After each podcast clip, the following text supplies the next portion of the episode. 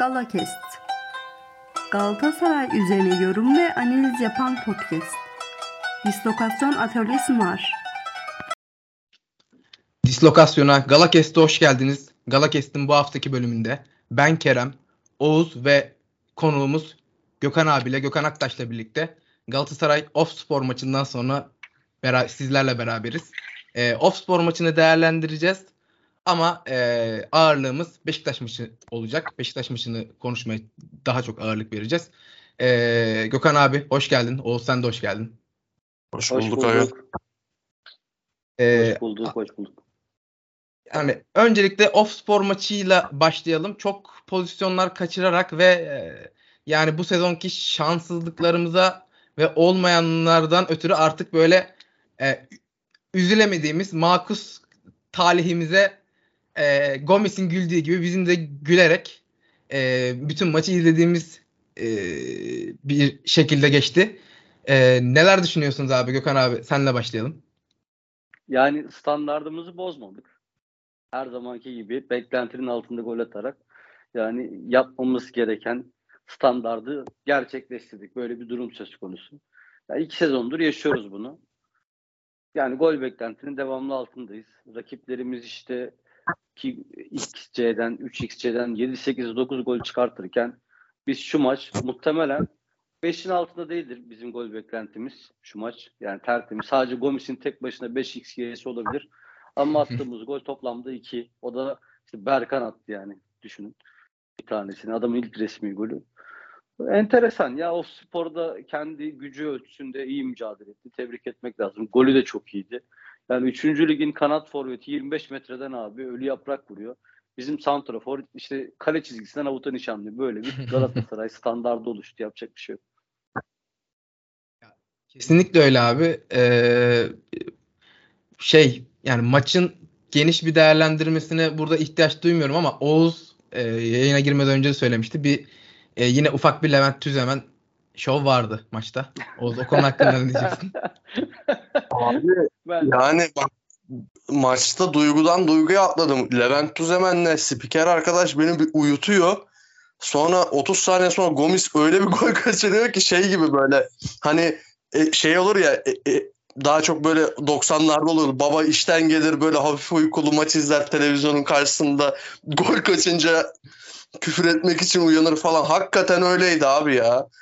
Ya bu kadar mı kötü yorumculuk olur abi? Yani Yani ya Galatasaray off spor maçı olması önemli değil abi. Herhangi bir futbol müs- spor müsabakası yap bak. Ya yaptığınız işe az saygınız olsun abi. İşte bu insanlar gülmüyor mu lan kendi yorumlarını diye düşünüyorum ya. veya hiç kurum içinden herhangi bir geri dönüş almıyorlar mı? O o beni daha çok merak ettiriyor. Hani e, seni eleştirirler, gülerler, geçerler ayrı bir şey ama hani kurum içinden bu kaliteden rahatsız olan kimse yok mu? Veya bir üst yok mu? Bilmiyorum. O daha Abi- garip geliyor bana.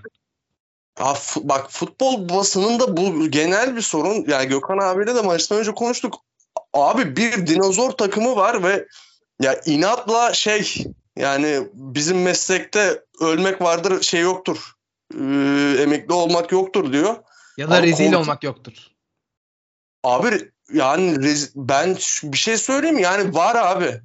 Rezil olmak var yani. Benim aklımda biri böyle bir şey düşünse ben işimi yapamam. Ya biraz biraz özenin yaptığınız şey ya. Bak gerçekten çok fazla bir şeye gerek yok. Zaten Galatasaray off spor maçını yorumlamak için çok yapmanız gereken bir şey yok. Ama yani 15 yıldır aynı kalıp cümleler. Bak Galatasaray'ın kupa maçlarını genelde Levent Tüzemen yorumlar. Açayım aynı maç, aynı yorum 10 sene önceki kupa maçında da vardır ya. Ya zaten gerginiz abi. Gomis kaçırmış zaten Gökhan abi dediği gibi tek başına 5xC'yi kaçırmış adam. Gol kaçırmanın 50 tonunu kaçırdı adam ya. ya siz bari bayıltmayın abi ya. Olmaz ya. Evet yani pozisyona sinirleniyorsun, kaçana sinirleniyorsun sonra Levent Tüzemen'e bir daha ya bari sen yapma diyorsun. Abi Ee, benim yeğenim var onun yapacağı yorumu orada 60 küsür yaşında bir yorumcu yapınca diyorsun ki biz ne izliyoruz abi biz ne işimiz var burada? Bir de Evet, şey ya- geçiyor yani ismi onun duayen gazeteci diye geçiyor. Evet. ben, en çok ona gidiyorum yani. Artık duayen kısmındaki dua kısmında kalsak mı yani? Artık bu saatten sonra hani şu Messi'yi bıraksalar da bir hani biz de arkalarından güzel duaları okusak filan. Hani ölsünler demiyorum da Messi'yi bıraksınlar da arkalarından güzel dualarla analım vesaire. Abi yani yine e, satıcının her kör satıcının bir kör alıcısı vardır. Yine e, işte ne bileyim Bunların, Levent bunların al- alıcısı çok. Ben onu sana söyleyeyim. Evet, Acayip evet. Ya. Evet, evet. Ahmet Çakar dansöz kıyafeti giyerim falanlar dedi. Bilmem öbürü saçımı kestiririm dedi. Boşnak bilmem nelerini saymıyorum bu beyaz şeylerin falan filan da.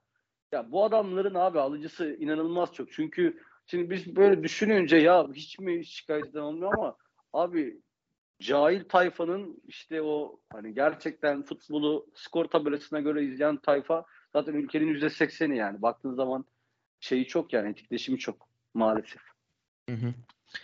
Ee, peki kendi şeylerimizi, e, sistemlerimizi spor medyası ile ilgili e, dile getirdikten sonra yavaştan Galatasaray Beşiktaş maçına geçelim.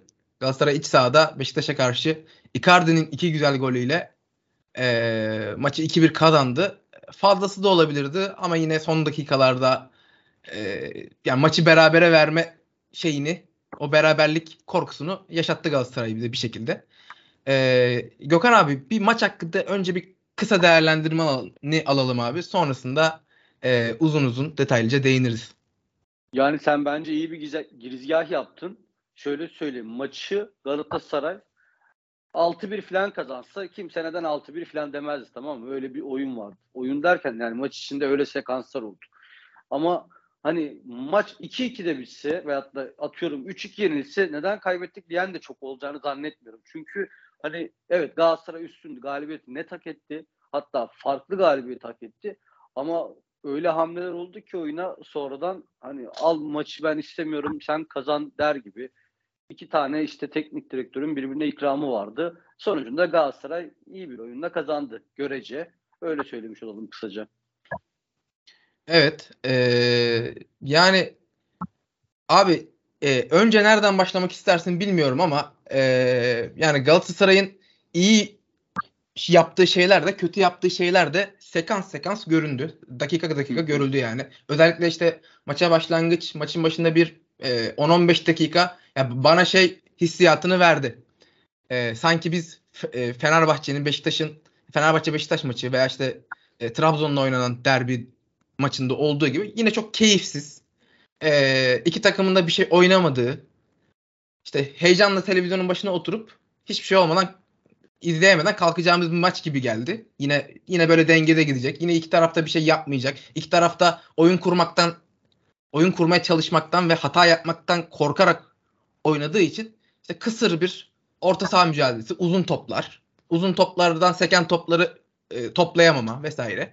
E, böyle bir 15-20 dakikayla başladık. Sonrasında Galatasaray e, yavaş yavaş kontrol eline aldı. Sonra golü buldu. Golden sonra yine kontrol elinde gibi gözüküyordu. Ancak bir duran topla e, skor 1-1'e geldi. E, ilk yarı o şekilde bitti. İkinci yarının başlangıcında yine bir 10-15 dakika Galatasaray'dan kötü bir oyun var. Özellikle e, yani Galatasaray'ın oyun kuramadığını e, zaten söylüyoruz. Herkes bunun farkında ama e, çok uzun zamandır olan bir sorun var. E, şu anda da devam ediyor bu. İki stoperin arasına gelen e, defansif orta sahayla Galatasaray üçlü bir hat kuruyor. Orada oyun kurmaya çalışırken yaklaşık 20 metre yakınında kimsenin olmadığı ve e, doğal olarak o üçünün arasında 2-3 yan pastan sonra mecburen Muslera'ya dönül, dönülünce baskı geldiğinde Muslera'nın uzun vurmaya çalıştığı bir oyun izliyoruz. Çünkü Abdülkerim ve Nelson'dan daha iyi vurur durumda şu an Muslera. Bu da çok garip bir şey. Yani geçen sene böyle bir şeyin olacağını söylese de söyleseydi biri bana inanmazdım. Yani Abdülkerim geçen senenin en iyi işte ayağı en temiz Markao'dan bile bazı konularda e, üstün istatistikler yakalamış bir stoper. E, öteki tarafta Nelson'un kalitesi belli ama bizde en iyi uzun topları kanatlara atan kişi Muslera. Geçen sene neler yaptığını hatırlıyoruz pas hatalarıyla vesaire.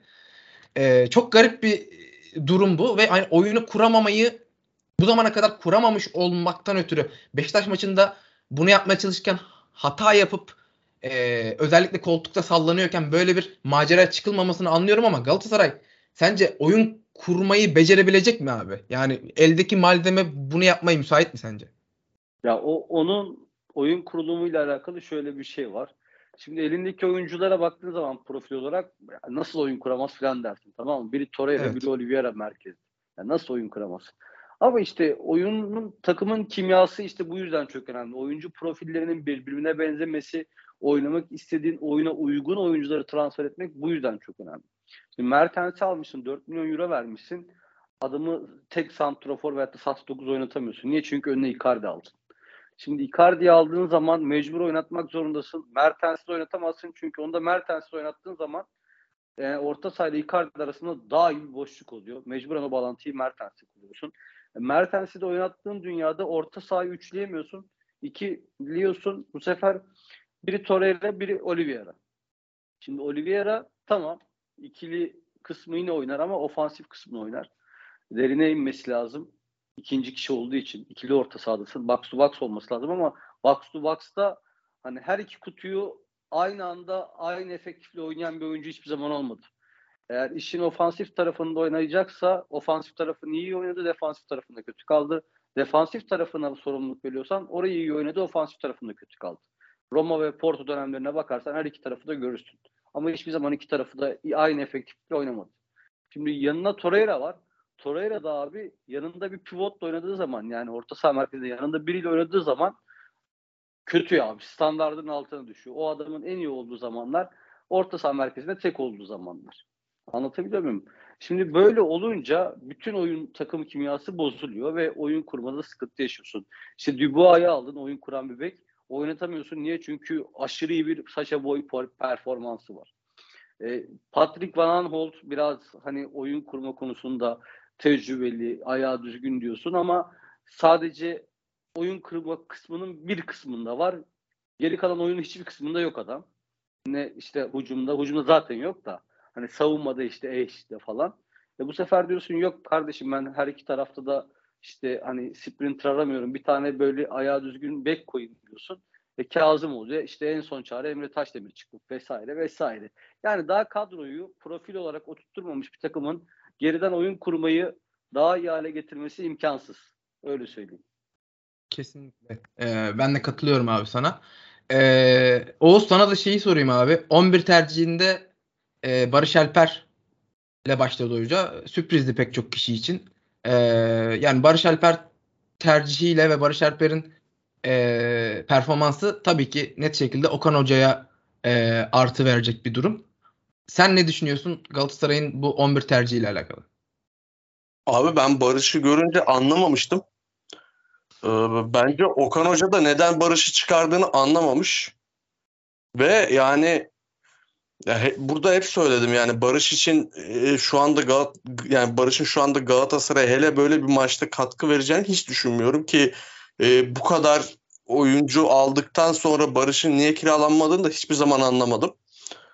Yani zaten Emre Taşdemir idareten koyuyorsun ki bence çok da kötü bir maç geçirmedi de önüne bir de yani Barış Alper'i koyduğunda bir kanatsız oynadı Galatasaray çok uzun bir süre. Ki Kerem girdikten sonra biz soldan bir şeyler üretmeye başladık. Yani hep konuşuyoruz Okan Hoca'nın özellikle oyuna maç içi hamlelerini. Çok da eleştirdik. Ama e, bu benim Okan Burun Galatasaray başındayken gördüğüm en korkunç tercihiydi. Çünkü Beşiktaş maçının zaten zor geçeceğini hepimiz tahmin ediyorduk. Ki bana göre özellikle 2-1'i Galatasaray çok iyi oynadı. Ben Galatasaray'ın 2-1 oyununu çok sevdim. Ama e, genel olarak çok zor bir maç ve Okan Buruk için çanlarını da çalabileceği bir maç. Evet Kerem en iyi formunda değil ama yani Barış Alper'le de çıkmazsın yani. Abi ben o konuda e, şöyle düşünüyorum. Ben sana tam katılmıyorum o konuda. Çünkü Barış Alper tercihini ben maça iyi etki ettiğini düşünüyorum. Şimdi az önce e, Gökhan abinin söylediği güzel bir şey var. E, kadro kurulumunda şu an Icardi ve Mertens'i birlikte oynatmak zorundasın. Aslında kadro ilk kurulduğunda ve bu e, Icardi transferi o işte 5 transferin geldiği 5-6 transferin geldiği gece yaşanmadan önce e, Seferovic ve Mertens uyumlu bir ikili olabilecek gibi gözüküyordu. Aynı zamanda Okan Hoca'nın e, işte şu an mesela Jorge Jesus'un veya daha önce Valerian İsmail'in istediği gibi çok uzun periyotlarda olmasa da zaman zaman e, maçın belli bölümlerinde, belli kısımlarında e, talimat verilmişçesine yaptığı presler Galatasaray'ın etkili oluyor. Ki işte e, bu maçta da zaman zaman bunun etkili olduğunu gördük. Maça da Galatasaray belli bir presle başladı. E, ikinci yarı 60'tan sonra da bu presini iyi yaptı vesaire.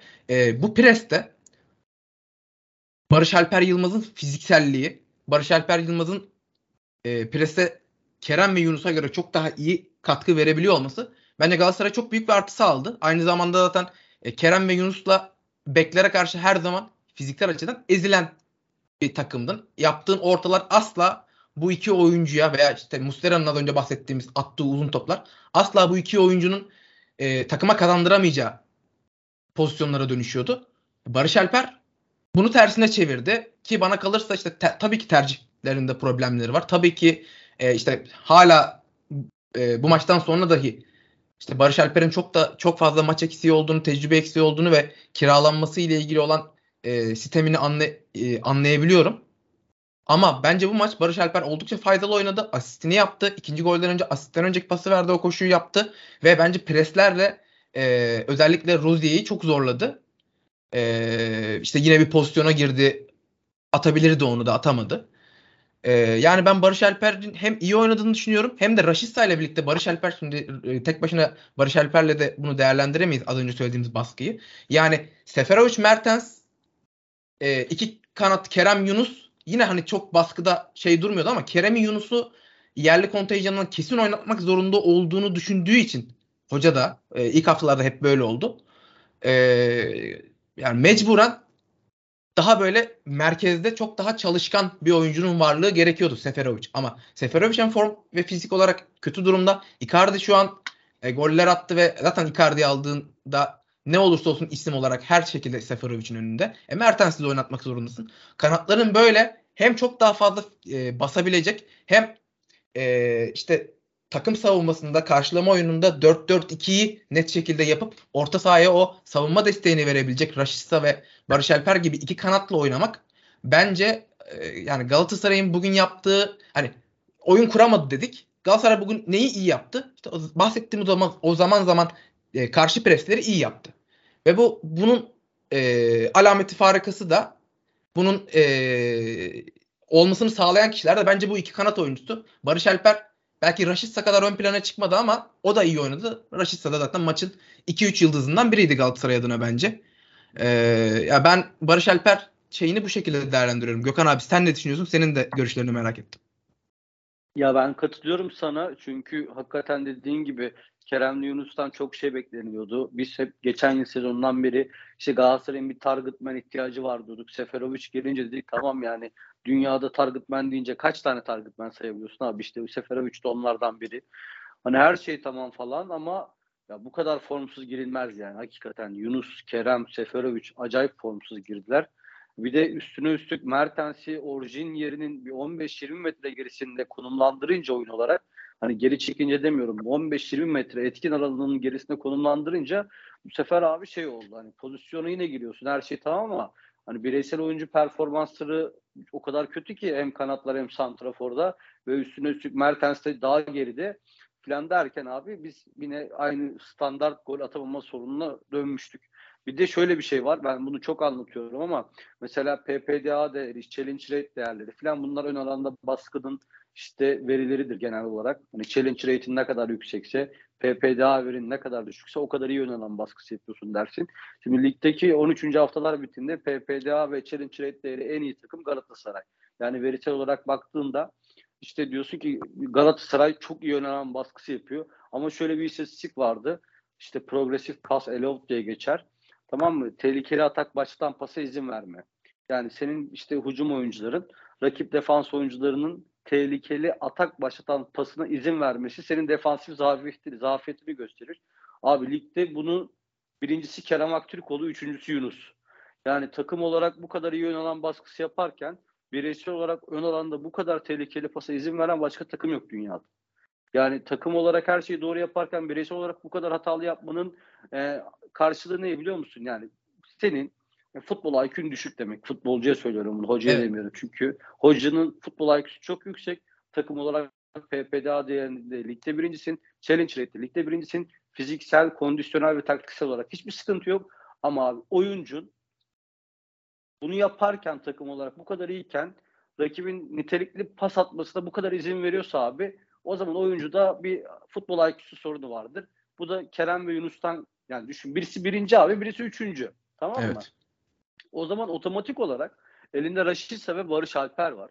Abi bu adamlarda da ne yok dersen mesela baktığın zaman her şey var abi. Fizik desen Kerem Yunus'tan daha iyiler fiziksel olarak.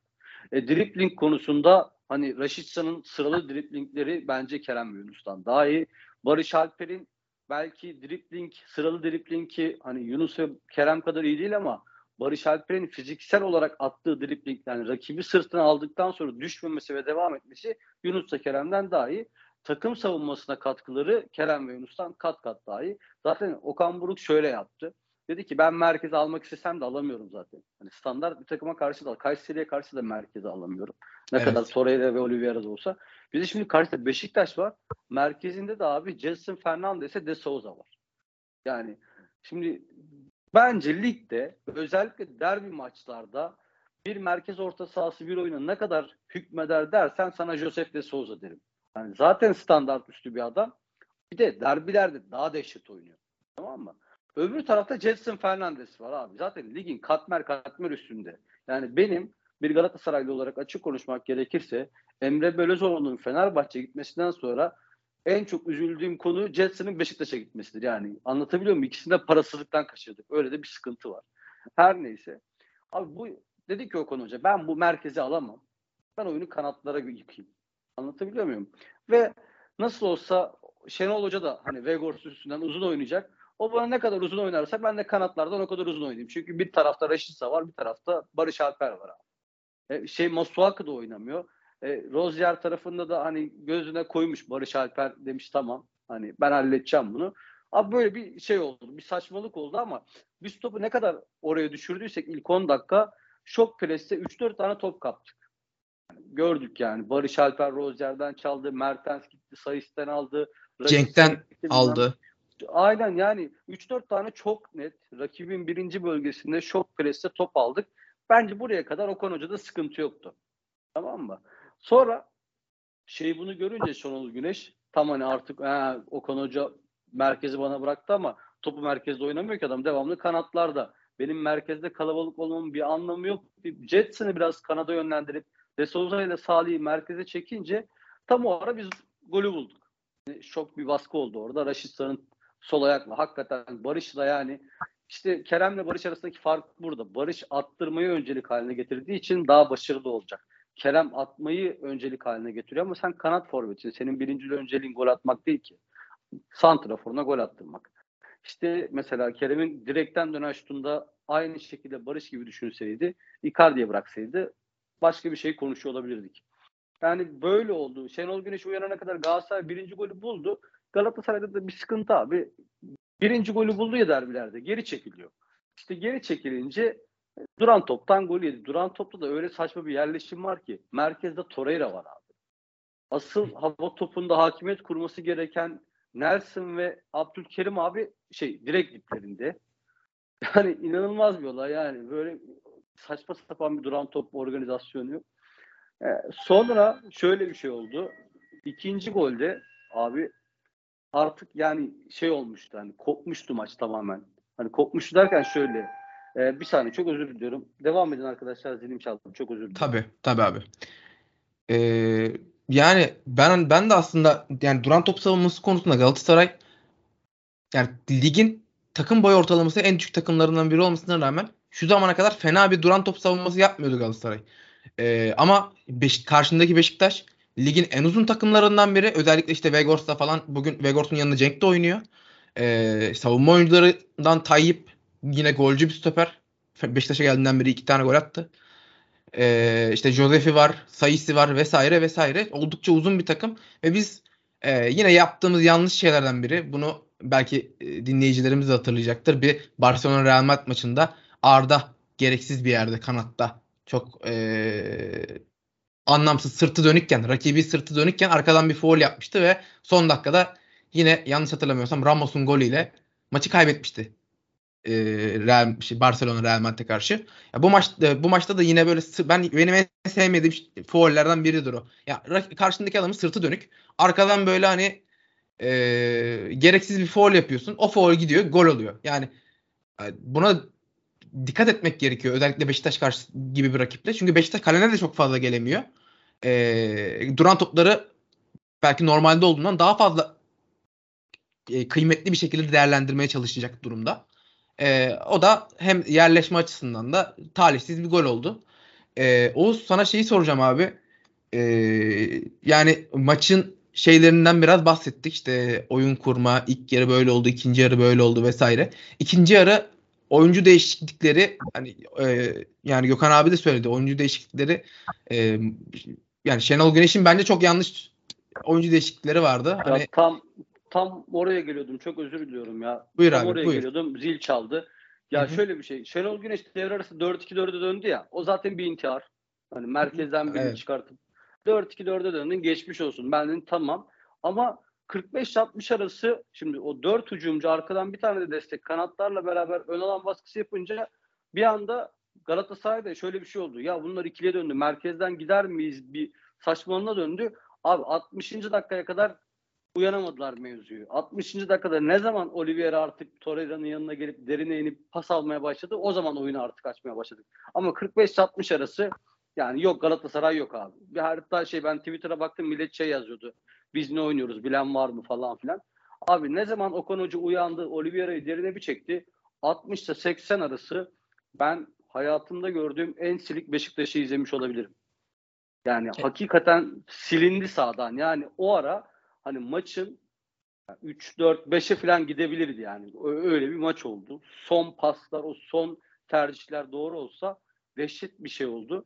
80. dakikada da şöyle bir şey oldu. İlk yarı bitince ikinci yarının başında nasıl Şenol Güneş bir ikramda bulundu 4-2-4'e dönerek. Abi 80. dakikada filan Okan Buruk da dedi ki ben Mertens'i çıkartıyorum Şenol Hocam. Berkan'ı alıyorum. Mesajım şudur. Ben sana daha atamam. Atmayacağım. Sen atabiliyorsan at. Atamıyorsan ben maçı 2-1 alacağım. Mesaj buydu bak. Yani Mertens Berkan değişikliği tamamen bu mesaj. Anlatabiliyor muyum? Yok skoru tutmaya falan. Abi skoru ne tutmaya çalışıyorsun? Kurban olduğum. Zaten adamlar bitmiş. Tükenmiş. Mertens çıkarttın. Git onun yerine Mata'yı koy, Yunus'u koy, ne bileyim Oliveira'yı oraya çek, Mitcho'yu Oliveira'nın yerine bir şey yap ama hani Berkan'ı koyma abi oraya.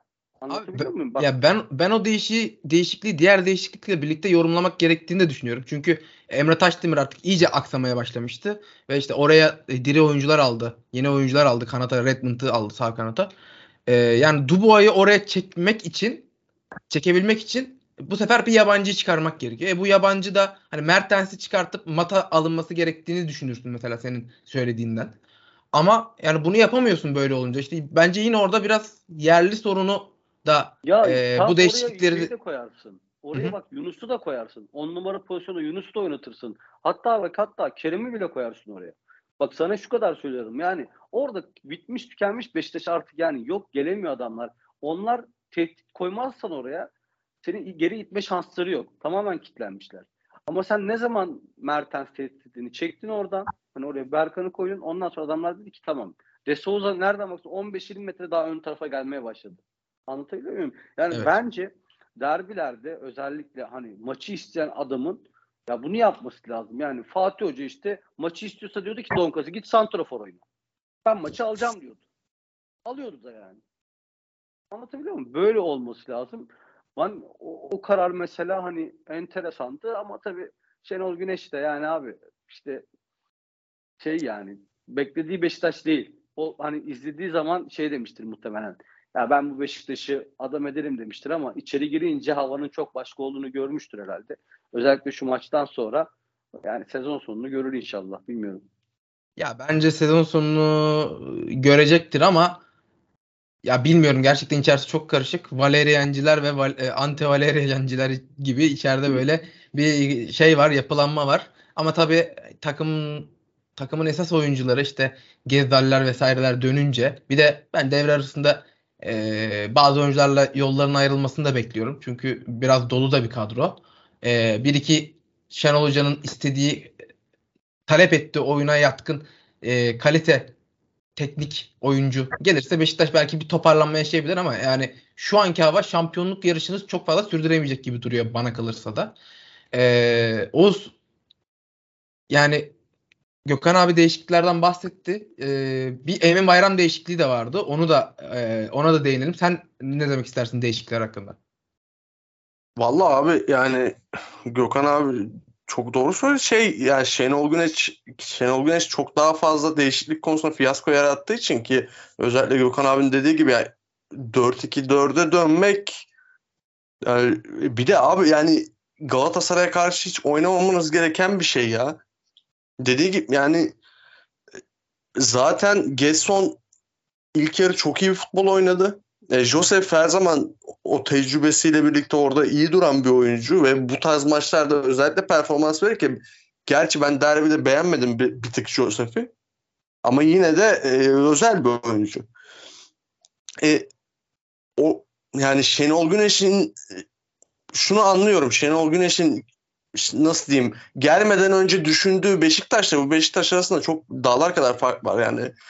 E, ben şeyde Twitter'da falan görmüştüm Redmond'dan falan neler çıkarır da abi anca günah çıkarır Redmond'dan yani Şenol Güneş'in ilk duası şeydir devre arası şu Redmond'dan falan çıksak da bir, bir iki topçu alsak olur. Yani hiç Şenol Güneş'in oynatmak isteyeceği oyuna ben uyacağını düşünmüyorum. Ee, ben de Redmond'dan ziyade hani Enkudu hakkında bunu daha çok düşünüyorlar. Yani yine Redmond'ın belli bir ee, nasıl diyeyim hem oyun bilgisi hem de katça ortalama bir şey vardır ama Enkudu çok diple zirve arasında o kadar e, kısa sürelerde savrulan bir oyuncu ki. Yani Şenol Güneş'in esas bence hani bizim bu Enkudu'yla işimiz var diyeceğini düşünüyorum. Zaten Beşiktaş taraftarları da uzun süredir Enkudu'yla e, Enkudu hakkında farklı bir sınavdan geçiyor. Hani bir inanılmaz oynuyor mesela. Bir maç inanılmaz oynuyor falan. E, sezon başında işte Valerian İsmail'in planı birazcık daha işliyorken çok iyi de Enkudu. Şu an e, sahanın en kötüsüydü bence Beşiktaş adına. En kötülerinden biriydi.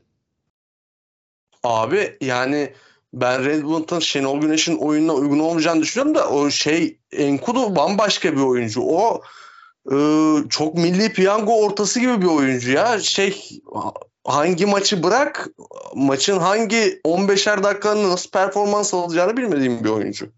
Yani bir 15 dakika kaptırıp şöyle 2-3 dribling bir gol bir asist de yapabilir. Abi 15 dakika boyunca 4 tane top da kaybedebiliyor bu oyuncu. Yani Şenol Güneş'i oynatmak istediği oyuncu oyun için korkunç bir oyuncu zaten. Onu geçiyorum. Yani ben Redmond'dan da hiçbir beklentim yok. Ya böyle çok oyuncu var abi. Masuaku falan. Hiç yani Şenol Güneş'in oyuncu adamlar değil. Evet. Ya zaten şey var ama şöyle bir şey var. Ee, Enkudu'nun performansının bu kadar kötü olmasının en baş sebeplerinden bir tanesi e, bir Boy bir de Raşit abi. Adamlar yani inanılmaz kapattı. Zaten Boy şu an hani bence Süper Lig'de daha iyi bir sabek yok Boy'dan net bir şekilde. Ee, ve hani 5 büyük ligi falan da düşününce abi ben Boy'un güncel performansından bahsediyorum. Yani genel bir kıyas değil bu. Güncel performansında 5 büyük ve ligde de ilk yani 5-6 sabekten bir tanesi olduğunu düşünüyorum ya. Çok acayip bir adam. Yani hiçbir şekilde geçilmiyor. Onyekuru'yu da geçirmedi abi bu adam. Adana Demir maçını. Onyekuru'yu da sildi. Yani çok büyük patlama gücü çok yüksek oyunculardan bahsediyoruz. Enkudu onu da sildi abi adam. Yani inanılmaz bir olay. Ee, Raşitsa zaten hani Enkudu çıktıktan sonra zaten mesela Enkudu Redmond değişikliği o da fiyaskoydu Şenol Güneş adına. Çünkü oradan sonra Raşitsa'nın metrajı kısaldı. Daha fazla geriye gelmek zorunda kalmadı. Çünkü Redmond o kadar boyayı zorlayacak bir oyuncu değildi. Raşitsa'nın metrajı kısalınca abi enerjisi arttı. Enerjisi artınca abi zaten yok etti yani o taraf. Yani 60 80 abi, arası orada gitti zaten. Abi yalnız Boy evet dediğin gibi Boy çok acayip bir oyuncu da ya Raşit ne maç oynadı ya. Acayipti ya. Çok aşırıydı. Abi. Ben Raşit Sabi de şey abi bakma o adamın iki ayağıyla da şutör bir adam. İki ayağıyla da yani tek bir ayak değil yani. İki ayağıyla da çok net şutör. Daha o şeyi açmadı. O özelliği o paket açılmadı da. Hani o duruyor yani. O level 6 falan olunca açılıyor ya bazı paketler. Level arttıkça. o adam da böyle maç oynadıkça paket açıyor işte yani. Öyle bir şey olacak yani. O 2-3 maç sonra başlar. Ya bu adam şeyde abi Bundesliga'da tek başına Bayern'i yerli eksan etmiş adamdan bahsediyoruz yani. Evet. Ve abi Yani bizde sağ kanat oynuyor. Biz sağ kanat değerlendiriyoruz ama hani Bundesliga'da bunu yaparken ve e, işte piyasa değerini çok yukarılara çıkarıp e, transfer yaparken e, sol kanatta oynuyordu bu adam. Sol Evet, kanatta ters- daha çok ters. oynadı. Esas performansını ters kanatta verdi ve işte işte o içeri çekip vuruşları e, güçlü ayağıyla sağ ayağıyla yaptığı o vuruşlarla o bahsettiğim Bayern maçında da yine öyle muazzam bir golü vardı abi. E, şimdi Raşista'dan aldık topu. Ben birazcık e, hani bu maçta şeyi değerlendirmek istiyorum. Ondan sonra Raşista ile birlikte Başakşehir maçında da nasıl bir 11 olur konusunda da size veya işte nasıl bir oyun olur onu da soracağım. Ben E- bence Icardi'yi konuşalım abi. Icardi'yi şimdi nasıl Tamam. konuşmuyoruz? Aynen öyle. Aynen öyle abi. Yani şu kadar e, işte olumlusunu, olumsuzunu konuştuk. Kaçan pozisyonlar, olanlar, edenler ama yani burada net bir e, kalite var ve bu kaliteyi işte bu e, işte gerçi sosyal medyada da belki sen de görmüşsün abi tartışmalar oldu. Hani bu bu adam bir poacher mı, bir striker mı? Tartışmaları da oldu ama yani hani ne olursa olsun o yani bu vuruşlar gerçekten çok üst düzey forvet vuruşları. E, yani biraz bu gollere bir paragraf açmak gerekiyor herhalde. Ya şey Orhan Uluca, Orhan abi şey diyor. Poacher diyor. Ki Icardi gelmeden önce de poacher olduğunu söylemişti. Hikmet Hoca var Hikmet Dalban. O Hikmet Hocam da şey diyor. Striker diyor. Hatta ikisi bir ara tweetleşmişlerdi ki ben ikisiyle de hani muhabbetim var sağ olsunlar. Şey bunu bir ara konuşalım falan dediler birbirleriyle. Ben şey yazacaktım ikisine birden. Yani konuşmaya gerek yok yani. Bu adam her şeyde santrafor. Yani uzatmanın halim yok bu tartışmayı burada kapatalım diyecektim ama tabii ikisi de benden çok büyük insanlar olduğu için hiç böyle şey yani böyle aykırı bir yerden çıkıp da konuşmuş gibi olmak istemedim. Ama hani bu tartışma şimdi şöyle bence bence Poacher. Bence de poacher abi bu arada. Net poacher. Yani, Yani çünkü aynen. striker adam maçta 10 kere topla buluşmaz bence. Tabii. Yani e, Poacher o yüzden abi bu adamı ne kadar beslerse ilk yarı bittiğinde 6 kez topla buluşmuştu Icardi. Bir gol, bir şut pası. Düşün. Yani Evet. 45 dakikada 6 kez topla buluşmuş. Ondan daha az topla buluşan ikinci şey ikinci adam abi Tayfur Bingöl 40. dakikada oyuna girdi 5 kezde. İnanılmaz olay yani. Anlatabiliyor muyum? Çok şey yani ben şey diyordum. Ben açıkçası Icardi'nin hani zaten hani sosyal yaşantısı ortada. Ee, çok böyle hani inişli çıkışlı grafikler sergilen bir adam olduğunu bildiğim için son birkaç sezondur. Hani Galatasaray zaten başı yanmış bunlardan bir sürü şeyle. Hiç gerek yok falan diyordum ama adamın golcüğünde kimse bir şey demedi abi. Yani adama oraya topu indirdiği zaman atıyor. Atmama Evet. gibi bir durum söz konusu değil. İşte bizim meselemiz evet 3. bölgeye en çok top indiren takımız. Ama 3. bölgeye en çok top indiren takımken hani kime indiriyorsun anlatabiliyor muyum? 3. bölgede bizde en çok top buluşan adam daha 2 hafta öncesine kadar Yunus Akgün'dü abi. Ben 3. bölgeye top indiriyorsam bunu Yunus Akgün'e indirmemeliyim ben. Evet. Veya Yani ceza sahasında topla buluşan oyuncu e, işte Kerem'le Yunus'un önünde savunmacı varken çalım atmaya çalıştıkları hali olmamalı en azından. Ceza Aynen, sahasında çok da öyle. kaliteli pozisyonda ve çok daha böyle merkeze yakın, kaleye yakın yerlerde buluşmalısın. E, rakip ceza sahasına girişte senin de söylediğin gibi çok yüksek e, ortalamalarımız. Ligin çok üstünde ama hani bunlara çok efekt tabii ki Galatasaray çok pozisyon kaçırıyor bunu. e, hani asla inkar edemeyiz ama kaçırılan pozisyonlarda işte rakip ceza sahasında buluşulan anlar da aslında öyle çok hem organize ataklar değil hem de e, nasıl diyeyim çok böyle Ya. e, gole dönüşebilecek ataklar değil. Şey farkı var orada. Nitelik ve nicelik farkı var. Kesinlikle, yani. bravo muyum?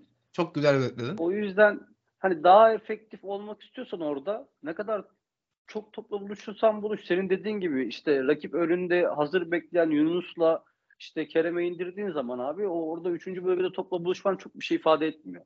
Ama işte 6 kere getiriyorsun abi Icardi'ye bir gol atıyor bir şut pası veriyor. Toplamda abi işte 12 kez falan 9 kez ne buluşmuş. Dakika 60'ta ikinci gol attığında 9 kez buluşmuş olmuştu topla. 2 gol iki, iki de şut pası var abi. Adam yani 9 kez topla buluşmuş. Yani yarı desek %50 maksimum efektifle oynamış ki e, Serie A'da bir istatistik var. Hala kırılmadı zannediyorsam yanlış hatırlamıyorsam. Gol kralı olduğunda e, çektiği şutlarının %24'ü mü 25 mi ne gol olurdu. Yani Evet. Adamın her 4 şutundan bir gol olurdu yani. Abi Serie A'da oynuyorsun. Köpek gibi savunmacılar var. Taktiksel itmanın en çok yapıldığı lig. Yani duran top savunmasından işte akan oyun savunmasına kadar yani dünyanın en iyi savunmasının yapıldığı lig abi 4 şuttan bir tanesi gol olur mu ya? Böyle bir adamdan bahsediyorsun. Ki bir de onun için şey derler. Hani derbilerin efendisi. Yani oynadığı zaman abi derbi oldu mu başka oynuyor yani. Hiç affetmiyor. O yüzden abi Icardi'm varsa topu onunla buluşturacaksın. Bir de Mertens de e, açık ve net konuşmak gerekirse topsuz oyunu müthiş oynadı. Şimdi biz Icardi'yi konuşuyoruz ama mesela abi ikinci golde Mertens'in bir boş koşusu var. Normalde De Souza ile Saiz'in arasında Icardi. De Souza'yı önünden alıp götürüyor topsuz koşuyla. Orada zaten bitiriyor olayı. Evet Golün abi. belki de %35'i o yani. Evet ilk golde de abi aynı şekilde bu işi yapan oyuncu Sergio Oliveira. Zaten Aynen. bence Gal- Galatasaray ile Beşiktaş arasında e, işte 3. bölgedeki e, hücum teşebbüslerinin e, yani tehlikeli olmasını Galatasaray adına sağlayan bence Beşiktaş adına sağlamayan şeylerden bir tanesi. Yani Beşiktaş tamam e, Vegors'un yanına forvet karakterli Cenk'i koyuyorsun Kanada vesaire ama yani ceza sahası içine orta sahadan hiç giren oyuncu yok. Yani bunu az buçuk yapabilen adam Josef'ti Beşiktaş'ta ki hani çok da gol de atardı Josef bu açıdan. İşte e, Sergen Yalçın'la şampiyon olduğu sezonda Atiba bunu mükemmel yapıyordu. Sürekli ceza sahası içi koşulları atıyordu ve çok da gol de atıyordu.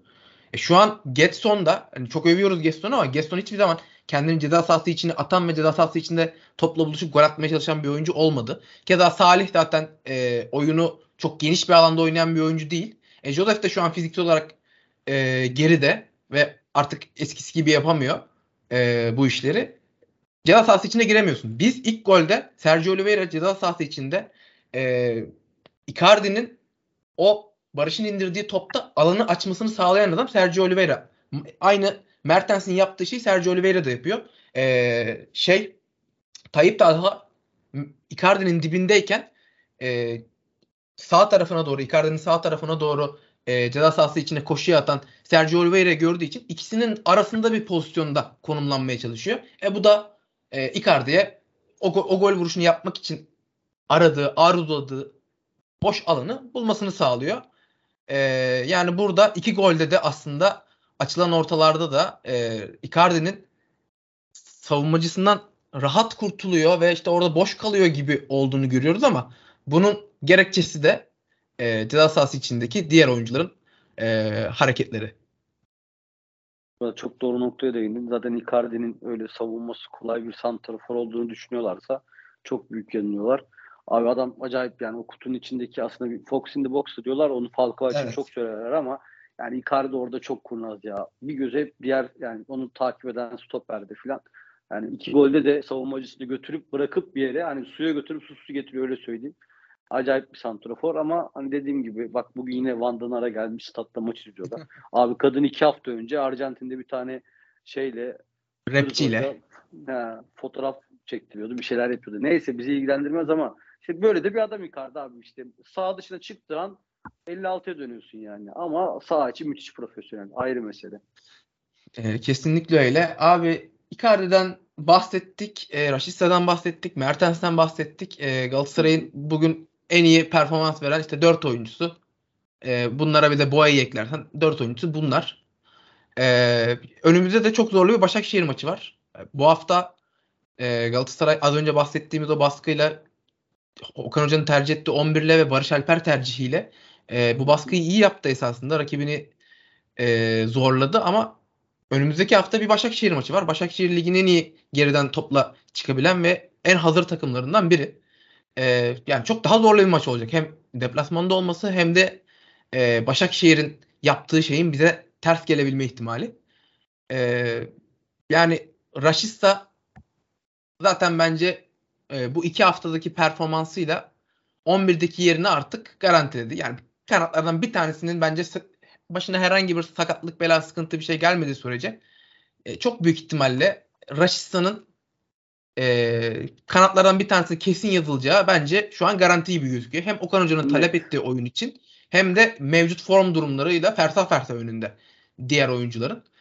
E, öteki kanatta yine Barış Alper olur mu? Galatasaray nasıl bir oyunla Başakşehir'e karşı çıkar? E, ne bekliyorsun abi Başakşehir maçında? Ya ben Başakşehir maçının böyle çok aşırı zor geçeceğini düşünmüyorum. Neden düşünmediğim yani düşünmediğimi sebebini söyleyeyim.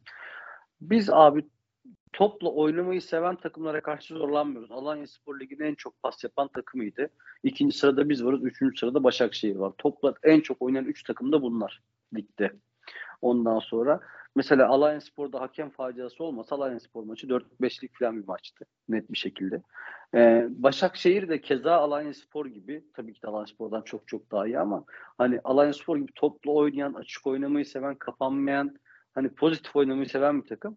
Böyle olunca Galatasaray görece çok daha rahat oynuyor. Ve hani oyuncu kalitesi de çok çok daha ön plana çıkıyor. O yüzden ben Başakşehir maçının o kadar zor geçeceğini düşünmüyorum açıkçası. Başakşehir'e sadece şöyle bir huyu var. Acayip uyutuyorlar abi. Böyle saçma sapan pas yapıyorlar. Böyle bir Kaan'ı gibi oynuyor zannediyorsun. Sonra bir şey oluyor gol yemiş oluyorsun. Böyle bir oyunu var. Hani, evet, Av- Avrupa'da çok işledi abi bu. Abi çok işledi tabii ki de. Yani o yüzden hani Türkiye'de Galatasaray'a karşı işler mi bana biraz zor geliyor. Yani çünkü zaten Galatasaray'ın hani Dünya Kupası'ndan önceki son maçı birebir rakibi şu an. Aynı puandalar, aynı maçlar. Ondan sonra e, Fenerbahçe ile 5 puan fark var. Açılmaması lazım. Hani Galatasaray'ın kazanma zorunluluğu var. Aynı şekilde Başakşehir'in de kazanma zorunluluğu var. İki tane pozitif oynayan takım. O yüzden Galatasaray'ın oyuncu kalitesinin ön plana çıkacağını düşünüyorum ben. Beşiktaş kadrosuyla, Beşiktaş maçının kadrosuyla birebir aynı kadro çıkar bence. Bozmaz. Hani ben değişeceğini zannetmiyorum. Ee, şu an çünkü 11'ini buldu diye düşünüyorum ben. Bir işte Emre Taşdemir performansı hani şey soru işareti. O da şöyle. Emre Taşdemir'in son 7 sezondaki toplam maç sayısı 50 abi. Yani geçen sezon sadece Kerem Aktürkoğlu 56 maça çıkmış milli maçlarda dahil. Anlatabiliyor muyum? Yani adamın her işte maç en az 7-8 sprinti var ama 9. sprint muhtemelen arka adele attırıyor yani. O yüzden hani bir onun garantisi yok. Hani o da 11 çıkar ama maçı tamamlayabilir mi bilmiyorum. Onun dışında ben 11'in değişeceğini zannetmiyorum. Ee, Başakşehir maçı için de dediğim gibi yani görece daha böyle Galatasaray açısından rahat geçecek maç gibi geliyor. Şey olmazsa, hakem faciası olmazsa. Oğuz sen ne düşünüyorsun abi Başakşehir maçı ile ilgili?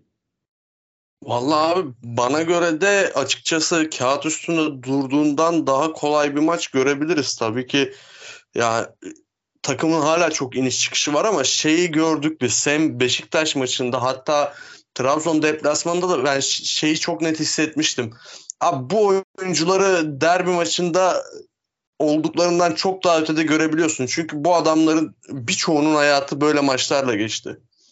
Birçoğu bunlardan çok çok daha büyük maçlarla yıldız olduğu için yani şu anda Icardi'de, Mertens'te kadrodaki bu sene eklenen o hani tecrübeli yıldız dediğimiz ve bizi bir yere taşımasını beklediğimiz birçok oyuncu da biliyor ki bu maçı kazanmaları kazanıp Dünya Kupası arasına giderlerse şampiyonluk yolu ondan sonra Dünya Kupası'ndan sonraki fikstürden sonra e, çok açık aslında. Herkes ya birçok takım bu olayın içinde ama Galatasaray'ın bir de fikstür avantajı da olacak. Biz korkunç bir fikstürden buraya geldik. Evet yani çok bol deplasmanlı. Evet o yüzden hem Gökhan abi çok güzel anlattı. Başakşehir'in tercih ettiği oyun Galatasaray'ın sahaya çıkartabileceği oyun.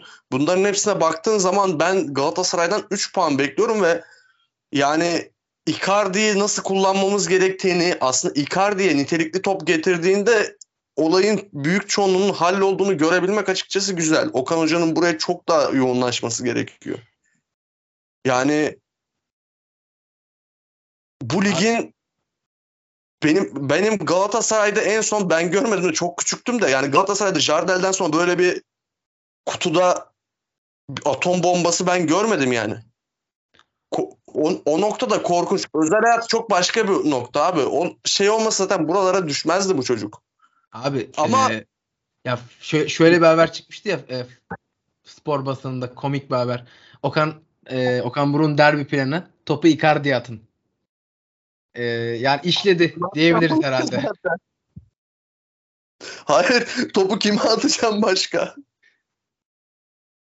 Yani ya, ya sen dedin yani daha fazla topu Icar işte Icardi'yi getirince onun atacağını e, takımın da daha iyi anlaması. Yani ben katılıyorum aslında bu söylediğine. Ama aklıma bu o komik haberi getirdi.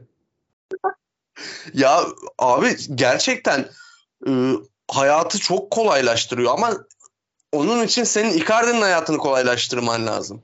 Evet, yani, yani- Galatasaray'ın Galatasaray'ın çok ciddi gol sorunu vardı ama yani o bölgede getirdiği topları yani siz çok güzel konuştunuz. Ne kadar efektif getirdin o topları? Kime getirdin?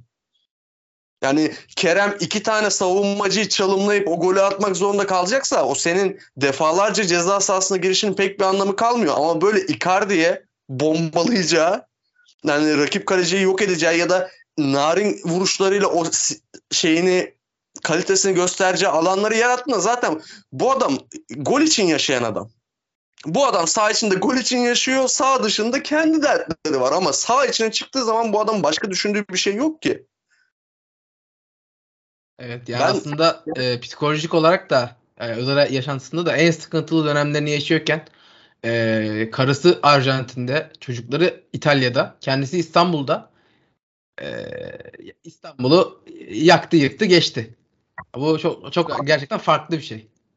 Hani şey var yani Icardi'nin saçını gördükten sonra ben şey demiştim. Ya abi bu adam kaleyi bulamayacak bugün ya da hat-trick yapacak. Hat-trick olmadı ama yaklaştı yani. Ya, özel bir oyuncu bak. Mesela Mertens'in ikinci yarısına da ben çok bayıldım. Mertens'i de konuştunuz.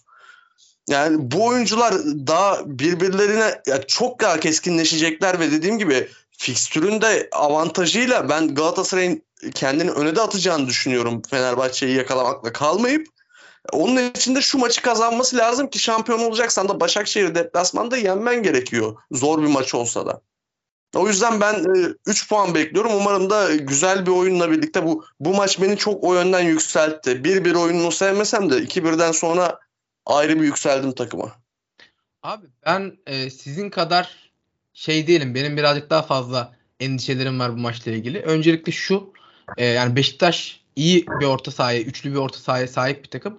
Ben bence ligin e, merkez orta sahası Fenerbahçe ile birlikte en merkez üçlüsü. Daha doğrusu Fenerbahçe ile birlikte en tehditkar takımlardan bir tanesi, en oturmuş takımlardan bir tanesi Başakşehir ki hani şu an e, Yusuf Endeyaşmiye yani muazzam bir seviyede. Ligdeki en değerli oyuncu olabilme potansiyelini taşıyor şu an.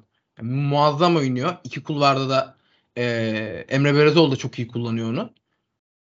O var, Mahmut var, Lucas Biglia var, e, işte Alexic var. Çok rotasyonlu bir takım. Kimin oynayacağını bilmiyoruz ama kim oynarsa oynasın orta sahada e, zaten hani Beşiktaş'ın üstünlük kurduğu yerde Başakşehir'in bize üstünlük kuracağı e, beklenen bir şey olur. E, Forvet'te Okaka gibi sırtı dönük çok iyi oynayabilen inanılmaz güçlü bir oyuncu var. Bu bizim e, stoperlerimiz yani böyle birazcık daha e, fiziksel olarak ortalama oyunculara karşı net şekilde üstün geliyorlar ama ki e, ne olursa olsun geçen hafta Weghorst savunmasında Nelson oldukça iyiydi. Özellikle Nelson çok iyiydi. Abdülkerim de iyiydi. Yani Okaka bence daha da zorlayabilir bu ikiliyi ve benim en çok korktuğum oyuncu eğer oynarsa muhtemelen oynayacaktır. Bertrand Traore, Emre Taşdemir eşleşmesi beni yani e, bence Okan Hoca'nın da uykularını kaçırıyor olabilir.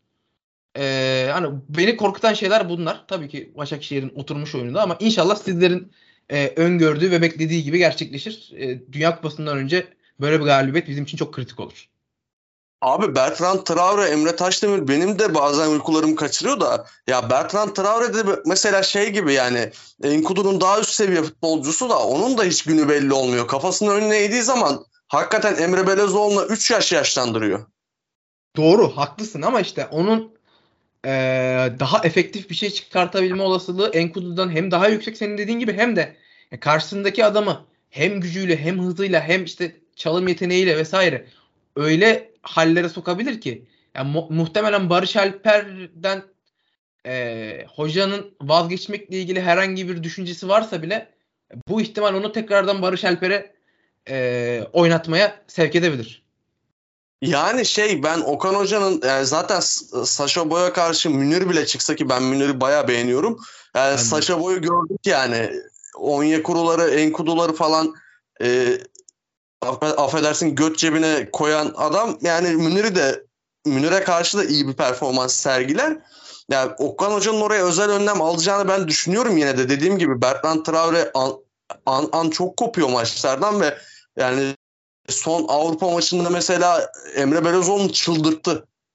Yani abi rakip yokken çalım atmaya çalışıyor. Çok acayip bir adam. Ya kafa, kafasını önüne eğdiği zaman korkunç bir oyuncu da yani bu adamın da üst düzey yetenekleri var. İşte ne alacağını Emre Belözoğlu da bilmiyor. Okan Buruk da ne geleceğini pek kestiremez. O yüzden oraya önlem alacaktır. Yani benim Evet. söylediğim ben abi bu maçtan 3'ü yazayım. Biraz da keyifli bir Galatasaray izleyeyim. Benim ben okeyim. Ya bunu da göreceğimizi düşünüyorum. Çünkü yani şampiyon olacaksan bu kadar özel oyuncuların varsa senin e, şampiyonluk yolunda bana göre en kritik maçlarından biri. Çünkü Dünya Kupası'na bu üçü yazıp gitmek çok büyük artı. Bunu çıkıp alman lazım abi. Lamıcımı yok. O yüzden Evet. ben özellikle bu arada şeyden Mertens'ten skor katkısı, gol olur, asist olur bekliyorum. Zaten Beşiktaş maçında böyle asiste çok yaklaştırdığı oyuncular oldu. Biraz oradaki beceriksizlikten Mertens'in asistleri de yanıyor bu arada. Yani maçkolik istatistiğine bakıp Mertens'e çok sallayan oluyor Twitter'dan. Yani açıp Beşiktaş maçında 3-4 tane pozisyon gösteririm. Hakikaten adamın asistlerinin ziyan olduğu. Yani Mertens'ten de ben e, artık şu adamın asistlerinin de değerlendiği ya da Mertens'in de golünün olduğu bir performans bekliyorum. Umarım, umarım öyle olur abi. Gökhan abi, e, senin son olarak eklemek istediğin bir şey var mı? Benim son olarak eklemek istediğim şey şu. Ee, Emre Taşdemir'in hani savunma tarafı her ne kadar kötü olsa da şöyle bir ekstrası var. Emre Taşdemir'le alakalı. Çünkü Bernard Traore evet evet çok hani şey bir adam. Premier Lig'de bile sükse yapmış bir oyuncudan bahsediyoruz zamanında.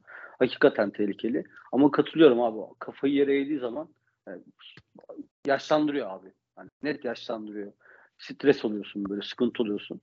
Ee, Fenerbahçe maçında mesela Başakşehir'in abi ben izlediğim en kötü adam Traore'yi izledim yani. Bu kadar kötü olunmaz.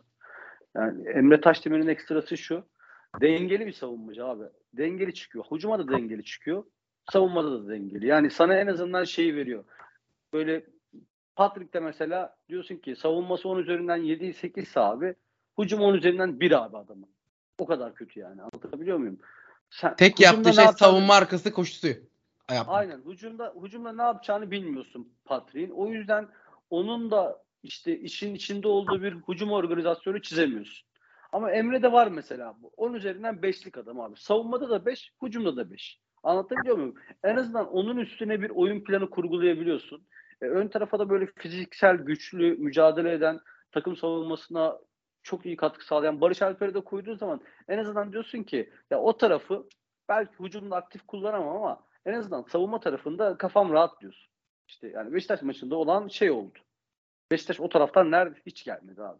Hep Enkudu'ya gitmek zorunda kaldı. Orada da Boğa'ya takıldılar. Raşitsa ile beraber. Yani kanat savunmasını da doğru yapıyor. E, merkez savunmada da abi Nelson, Abdülkerim, Torreira gibi bir üçlü var baktığında.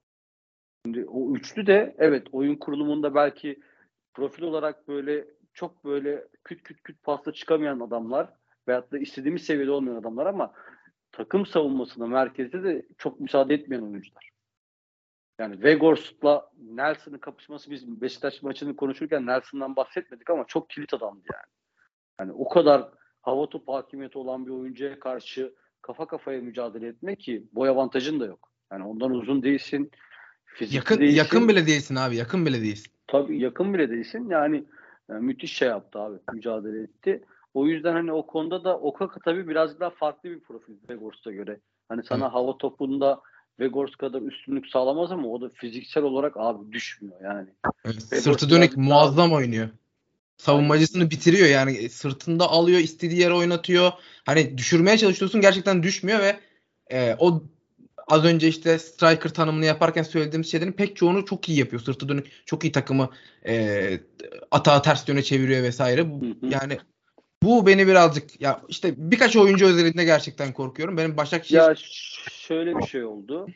Başakşehir Fenerbahçe maçını izlerken abi Gustavo Henrique Okaka'yı abi yaka paça düşürdü. Yaka paça indirdi yani. Hiç böyle foulsüz hiçbir müdahalesi yoktu. Hepsi faullüydü de bakma işte hakem hani devam et falan diyor. Hani Fenerbahçe veriyorlar abi. Sıkıntı yok. Oyna diyorlar. Şimdi Galatasaray'da onu yapmazlar. Kapaça Okaka'yı indirdiği zaman küt küt yersin kartları. Hiç acımazlar yani. Abdülkerim'in yediği kırmızı kartı hatırlayın işte. Açın Fenerbahçe Başakşehir maçını izleyin. Gustavo Henrique Abdülkerim'in kırmızı kart yediği maçın pozisyonunda Hani o pozisyonun onda biri falan değil yani. Öyle bir savunma yaptı. Biz onu yapamayız. Sıkıntı o kaka olabilir ama hani dediğim gibi e, pozitif açık oynayan hani açık oyun oynayan pozitif oynayan bir Başakşehir var. Galatasaray şimdi böyle takımları gördüğü zaman abi birazcık hani işte Alanya Spor'un ilk 30-35 dakikası Trabzon deplasmanı, Adana Demirspor maçı vesaire hatırlayın abi hep üstünlü maçlar. Hı hı. Yani e, muhtemelen öyle bir oyun izleriz ama dediğim gibi bir hakem faciası olmazsa ben Galatasaray'ın e, beklenenden daha kolay geçireceği bir maç olacağını düşünüyorum. Umarım öyle olur abi. İnşallah bu e, Fenerbahçe'nin yaptığı gibi ürettiğimiz XG'den çok daha fazla gol bulma. Yani abi tüm oyuncular öyle ya. Gerçekten tüm oyun hani oyuncu bazında da öyle. Ya Fenerbahçe'de işte oyuncuların iki tanesi, üç tanesi dışında herkes e, gol beklentisini aşmış durumda. Galatasaray'da herkes altında. Bu çok inanılmaz bir şey. Neyse e, abi çok teşekkür ederim. Bugün bize eşlik ettiğin için, katıldığın için, değerli yorumlarına ve görüşlerinden. Oğuz partnerim zaten sana da teşekkür ederim. E, dinleyicilerimize de bizi bu vakte kadar dinledikleri için teşekkür ederiz. E, önümüzdeki bölümlerde görüşmek üzere. Şimdilik hoşçakalın. Hoşçakalın. Hoşçakalın. Galakest. Galatasaray üzerine yorum ve analiz yapan podcast. Dislokasyon Atölye sundu.